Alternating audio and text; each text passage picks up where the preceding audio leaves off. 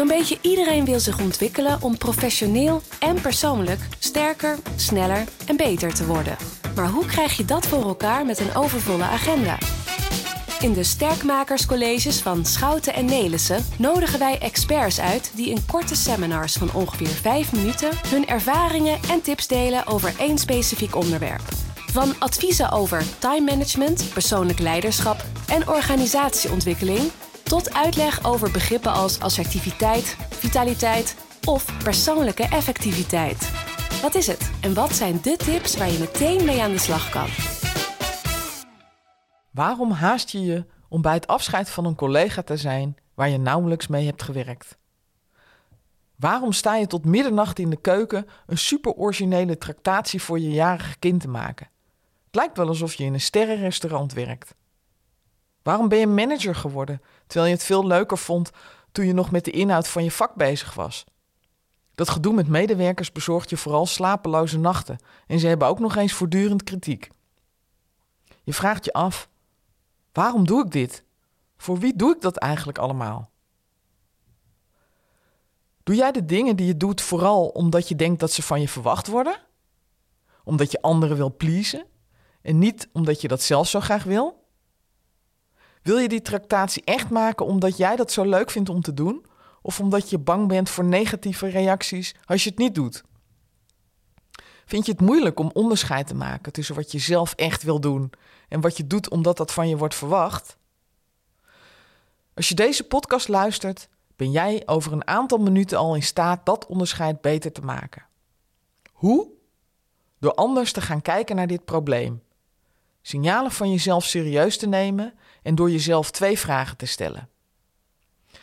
Mijn naam is Karin Brugman. Ik ben een van de Nederlandse experts op het gebied van werken met voice dialogue en auteur van de bestseller Ik en mijn ikke. En van Verander niks, goed zijn in wie je bent, mijn nieuwste boek. Ik zal je in deze podcast uitnodigen om op een nieuwe manier te kijken naar je eigen wensen en behoeften in relatie tot verwachtingen vanuit de omgeving. Daardoor begrijp je beter welke tegengestelde krachten er in jou een rol spelen. Je leert signalen van jezelf herkennen die aangeven dat je te weinig rekening houdt met jezelf. Ik stel je een paar vragen die je helpen te ontdekken wat je eigen behoeften zijn. Eerst wil ik beginnen met antwoord geven op de vraag: waarom is het soms zo moeilijk om een onderscheid te maken tussen je eigen wensen en verwachtingen uit de omgeving? Om dat te begrijpen, vraag ik je om in gedachten eens terug in de tijd te gaan. Herinner je je nog dat meisje of jongetje, het kind dat jij vroeger was? Toen je een jaar of twee was? Hoe zag je eruit? Wat voor type kind was jij? Zie dat kind dat je was weer even voor je. Ik vermoed dat dat kind dat jij nu in gedachten ziet, graag liefgevonden wil worden. Het kan niet voor zichzelf zorgen. Het heeft het nodig dat ouders of andere volwassenen dat doen. Het heeft het nodig dat zijn of haar ouders van hem of haar houden. Dat kind voelt hoe het zich het best kan gedragen in de omgeving waarin het zich bevindt. Wat het moet doen om als het niet fijn is, het niet nog erger te maken. Of wat het moet doen om onze opvoeders te helpen of gunstig te stemmen, zodat ze ons liefde willen geven en voeden en om niet gekwetst te worden. In het begin van ons bestaan zijn we kwetsbaar en afhankelijk van onze ouders, onze opvoeders. Instinctief beseffen we dat. Al kunnen we dat niet zo bedenken.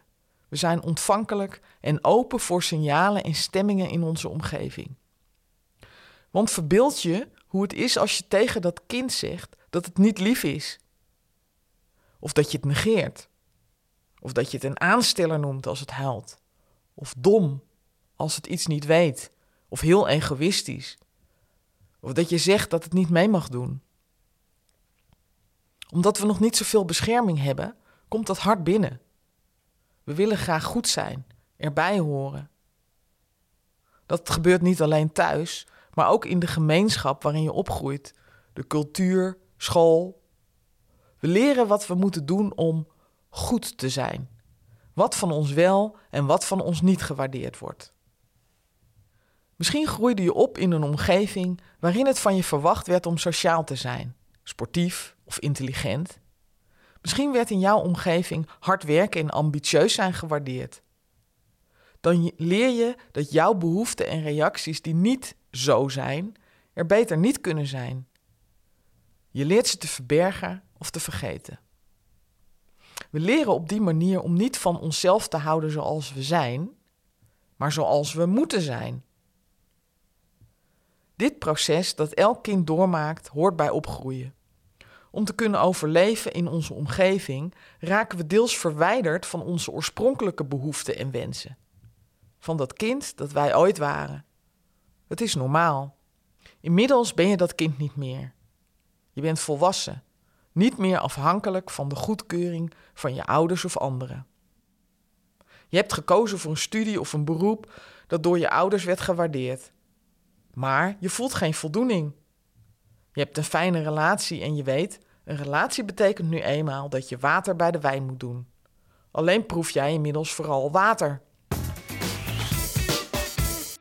Als je te veel bezig bent met proberen te voldoen aan de verwachtingen van anderen en te weinig oog hebt voor jouw eigen noden en behoeften, dan put je jezelf uit.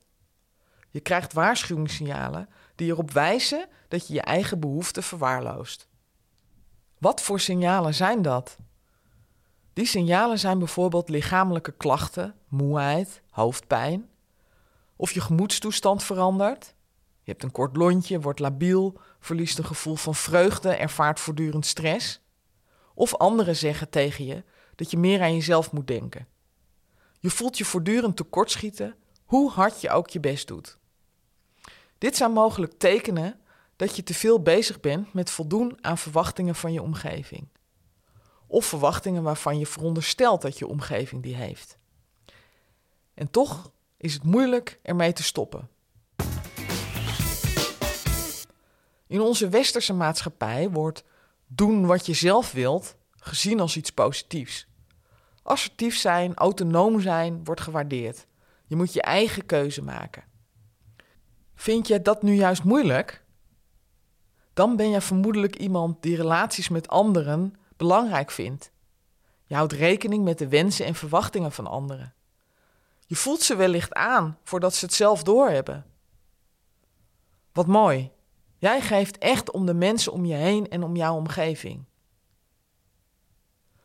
Hoe is het als je dat ziet als een kant in jouzelf die je nu eenmaal hebt? Als je op die manier naar jezelf gaat kijken.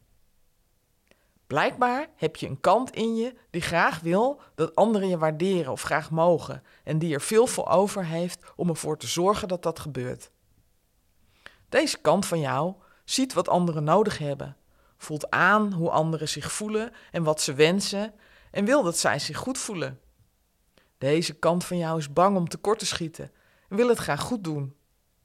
Herken je deze kant in jezelf? Stel je voor dat jij of anderen niet zo'n kant zouden hebben. Dan zou de wereld wellicht een kille plek zijn, met weinig verbinding en veel eenzaamheid. Juist doordat deze kant van jou probeerde te voldoen aan verwachtingen, ben jij gekomen waar je nu bent. Omdat je vroeger toch rechten bent gaan studeren, in plaats van naar de kunstacademie te gaan, heb je nu een goede baan omdat je altijd zo attent bent naar je collega's, word je zo gewaardeerd en ben je iemand met wie mensen graag samenwerken. Dus denk eens aan wat het je heeft gebracht en nog steeds brengt om rekening te houden met anderen of je aan te passen aan de omgeving. Wat heb je daardoor bereikt? Zijn er dingen bij waar je blij mee bent? Als deze kant van jou vooral je leven bepaalt, kun je uitgeput raken en je eigen behoeften verwaarlozen. Je hebt zeker ook een kant die wil dat jij rekening houdt met je eigen behoeften.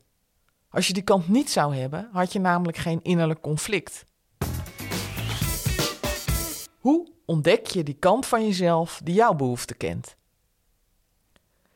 Stel jezelf de volgende twee vragen. Welke dingen doe ik die ik eigenlijk liever niet zou doen? Of welke dingen doe ik niet die ik eigenlijk wel zou willen doen? Misschien merk je dat er een kant in jou is die helemaal geen zin heeft om een ingewikkelde tractatie te maken voor je kind. Die het prima vindt om gewoon even wat te kopen. Of een kant die lekker thuis wil blijven in plaats van naar het afscheid van die collega te rijden. Als je op die manier naar jezelf kijkt, alsof je twee kanten hebt, wordt het makkelijker om onderscheid te maken tussen wat anderen van je verwachten en je eigen behoeften. De kunst is nu nog om naar beide kanten in jezelf te luisteren. Dat kun je doen door voor te stellen dat het twee verschillende personen zijn. Twee verschillende types. Ze hebben allebei een andere mening, vinden andere dingen belangrijk en zijn ergens anders bang voor. De ene kant is bang dat je mensen teleur zult stellen als je niet voldoet aan verwachtingen. De andere kant is bang dat je uitgeput raakt en leeg als je niet luistert naar je eigen behoeften. En beide hebben een punt. Hoe kun je met beide kanten en jou tegelijkertijd rekening houden? Dus zowel met de kant die wil voldoen aan verwachtingen, als met de kant die andere wensen heeft. Het betekent in elk geval dat je zult moeten leren verdragen dat anderen teleurgesteld in je mogen zijn. Omdat je niet bij hun afscheid was, omdat de tractatie alledaags is. Of dat je soms toch iets doet terwijl je opmerkt dat een deel van jou daar geen zin in heeft. Omdat je ervoor kiest om het desondanks toch te doen. Ik hoop dat je in deze podcast handvat hebt gekregen om onderscheid te maken tussen wat je zelf echt wil doen en wat je doet omdat dat van je wordt verwacht. Zie het als een conflict tussen twee verschillende kanten in jezelf. Het gaat erom dat beide kanten van jou een stem hebben gehad in jouw uiteindelijke beslissing. Hopelijk moedigt dit je aan om te leren luisteren naar jouw eigen innerlijke stemmen. Mocht je meer willen leren over het balanceren tussen je eigen en andermans behoeftes, dan kan je meer informatie in de show notes vinden. Voor nu wil ik je bedanken voor het luisteren en onthoud, jij bent degene die beslist. Bedankt voor het luisteren naar de Sterkmakerscolleges. Hopelijk heb je er nieuwe inzichten door gekregen. Maar echt sterker word je door wat met deze inzichten te doen. Dus waar wacht je op? Ga aan de slag. Kijk voor meer informatie op sn.nl/slash sterkmakers-podcast. En vergeet ons niet te volgen op Instagram en LinkedIn. @sterkmakers_podcast.